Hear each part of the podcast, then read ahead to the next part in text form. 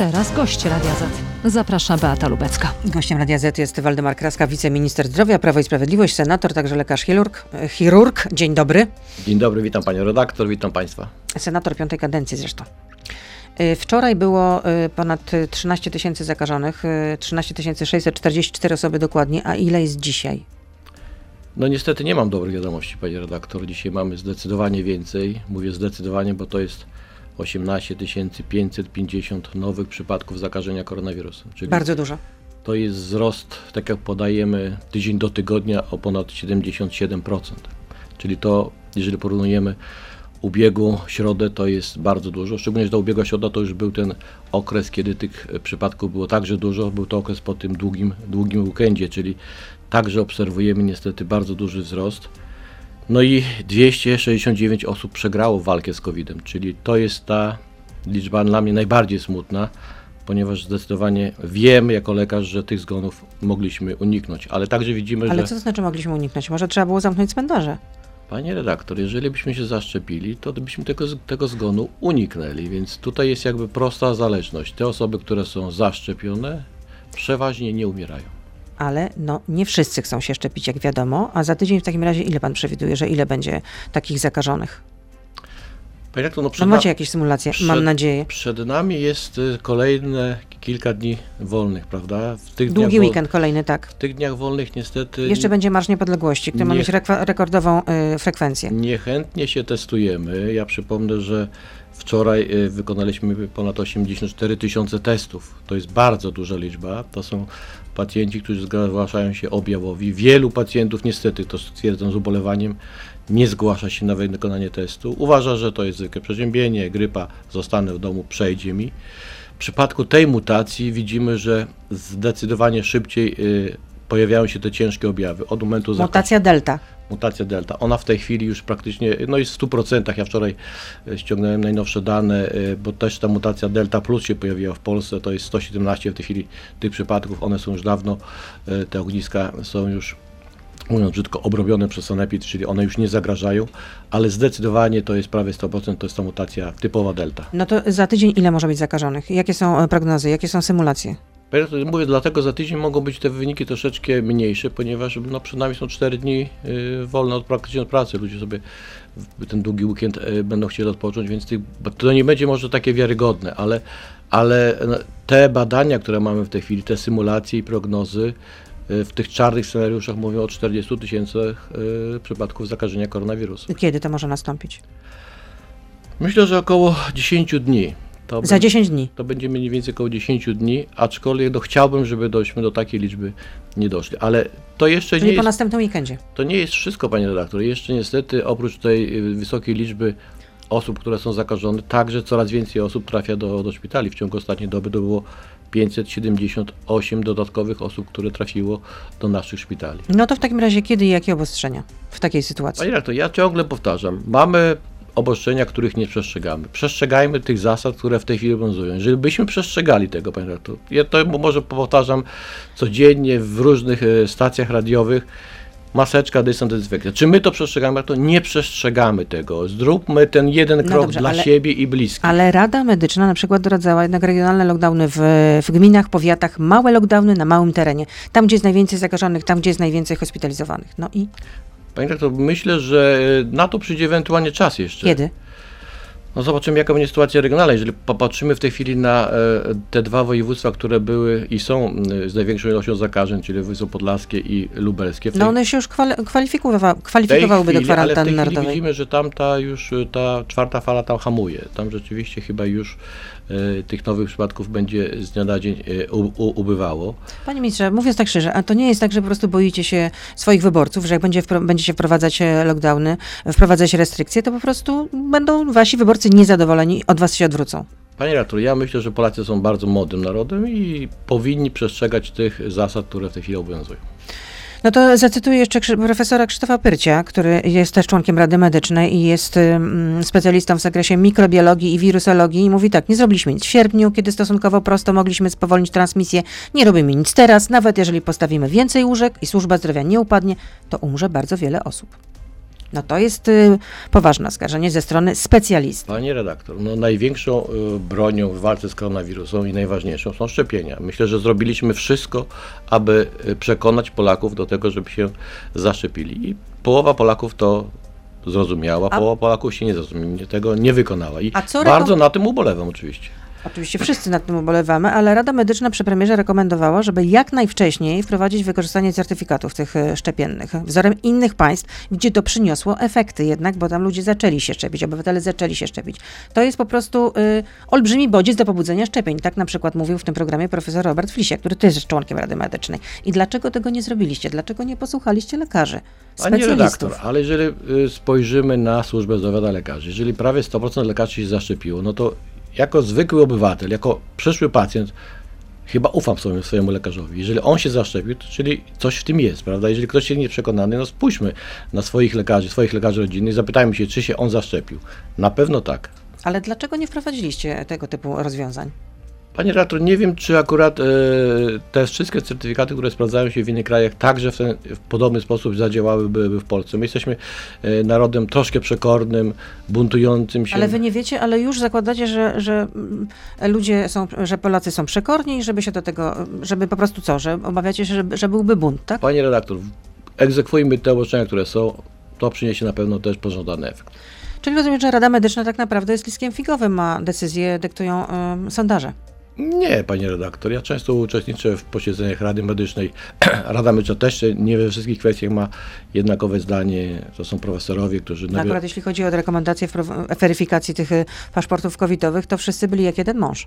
Przynajmniej tak wynika z moich informacji. Y, Panie redaktor, może nie do końca, ale, ale na pewno wsłuchujemy się w głos Rady Medycznej i, i zawsze bierzemy go pod uwagę. E, A obowiązek szczepień wśród osób, na przykład, które wykonują zawody publiczne, też padają takie pomysły, że to powinni być medycy, nauczyciele, sprzedawcy być może. Znaczy na pewno zawsze te dwie grupy są wymieniane, czyli chodzi o ochronę zdrowia i o nauczycieli. Ja przypomnę, że jednak wyszczepienie wśród tej grupy y, lekarzy, ratowników czy pielęgniarek to jest bardzo wysokie. Lekarzy prawie 100%, pielęgniarki, ratownicy 96-7%, lekarzy, y, nauczyciele powyżej 70%. Czyli to są te dwie grupy zawodowe, których świadomość, jeżeli chodzi o zaszczepienie, jest bardzo wysoka. Więc myślę, że tutaj jak akurat wprowadzanie tego obowiązku y, szczepień chyba nie ma, nie jest aż tak zasadne, aczkolwiek apelujemy o to, żeby także w tych grupach te osoby, które już przyjęły tą podstawową y, ilość szczepień, czyli, czyli te dwie szczepionki, także w tej chwili, jeżeli mają taką możliwość i są już w tym okresie półrocznym po ostatnim szczepieniu, przyjęły tą trzecią dawkę.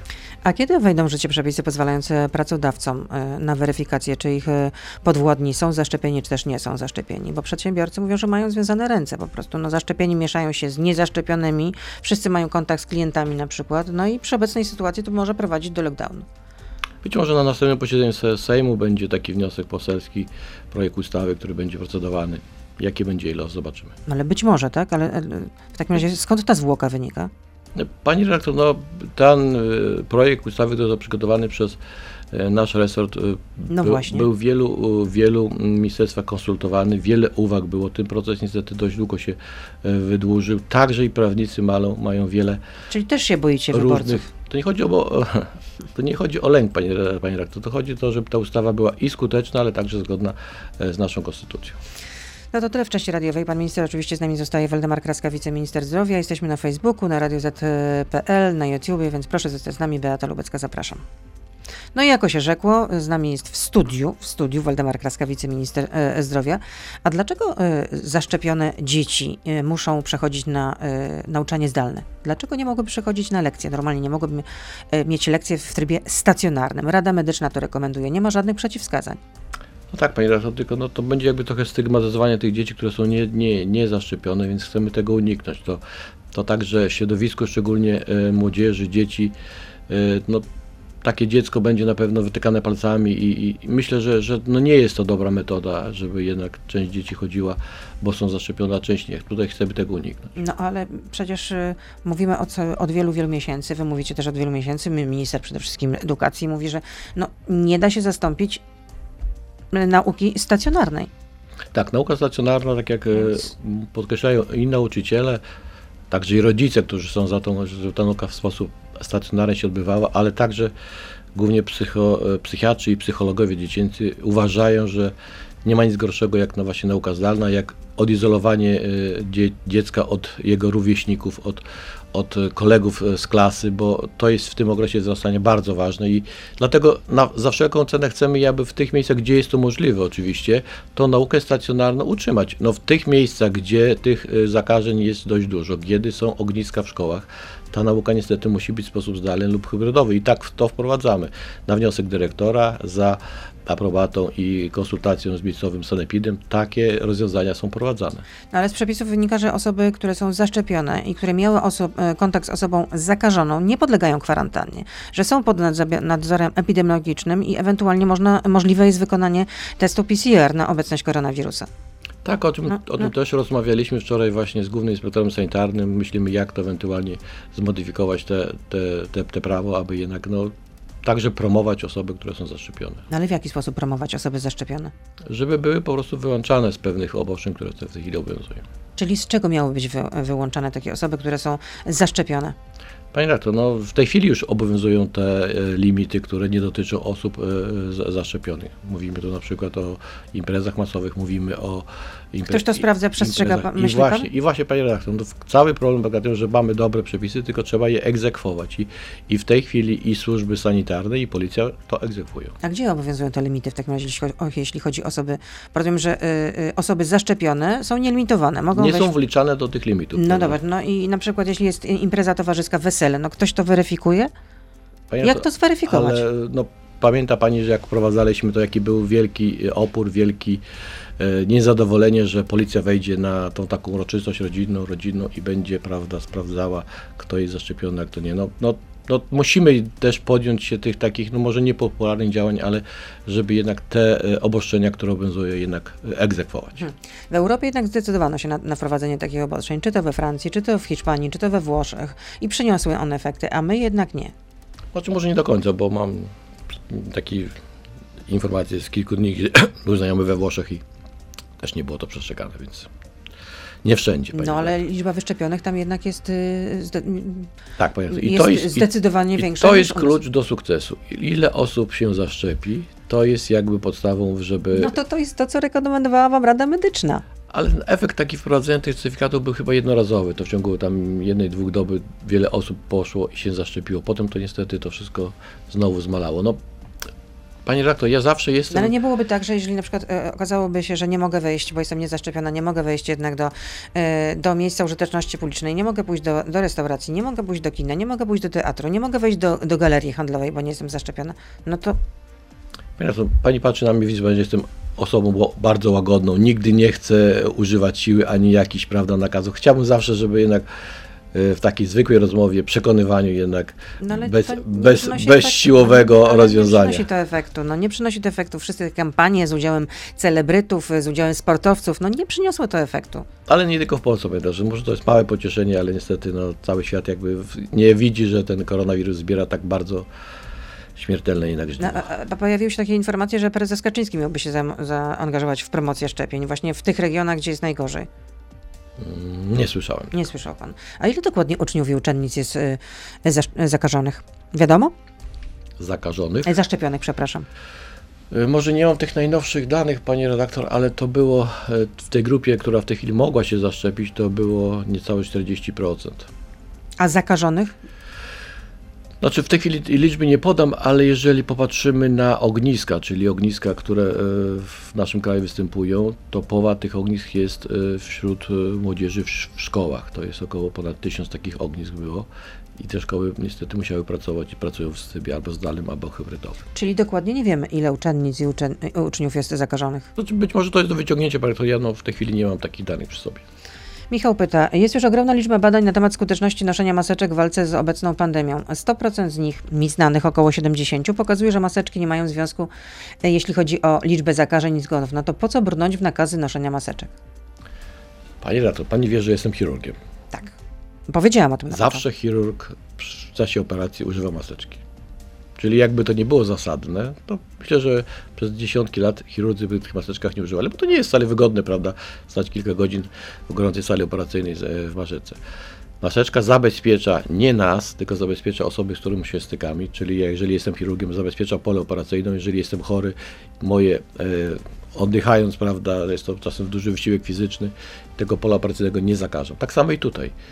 Noszenie maseczek e, w ubiegłym, tylko w ubiegłym sezonie udowodnili, udowodnili to, że było cztery razy mniej zakażeń na grypę. Cztery razy mniej niż w poprzednim sezonie, kiedy tych maseczek nie było. To jest ewidentny dowód, że te maseczki działają. No, jest tylko jedyny, jedyny problem, że trzeba je używać. A na jakim etapie pandemii teraz jesteśmy? Dobre pytanie, pani redaktor. Bardzo dobre. I powiem szczerze, że y, pewnie bym na nie odpowiedział, żeby nie te okresy takie długich weekendów, bo to nam zaburza niestety i prognozowanie, i, i te wyniki, które do nas y, spływają, bo one są troszeczkę zafałszowane. Więc myślę, że dopiero po tym długim weekendzie, który jest przed nami, będziemy mogli powiedzieć tak e, z całą odpowiedzialnością, w jakim etapie pandemii jesteśmy. Ja zawsze patrzę nie na ilość dziennych zakażeń, tylko na ilość osób, które trafiają do e, polskich szpitali i no myślę, że w tej chwili jesteśmy dość wysoko, jeżeli chodzi o ten, e, czy zbliżamy się już do tego szczytu, trudno mi w tej chwili jeszcze to powiedzieć. A co ze, szczepieniami dla najmłodszych, czyli między 5 a 11 rokiem życia? Od kiedy one ewentualnie będą możliwe? No z takiej naszej informacji wynika, że Europejska Agencja Leków pewnie na przełomie listopada i grudnia dopiero zatwierdzi tą, tą szczepionkę do stosowania w tej grupie wiekowej, więc wtedy być może w grudniu będzie taka możliwość, aby w Polsce także dzieci z tego przedziału wiekowego szczepić. Być może, ale nie, trudno o tym przesądzić. No to nie od nas zależy.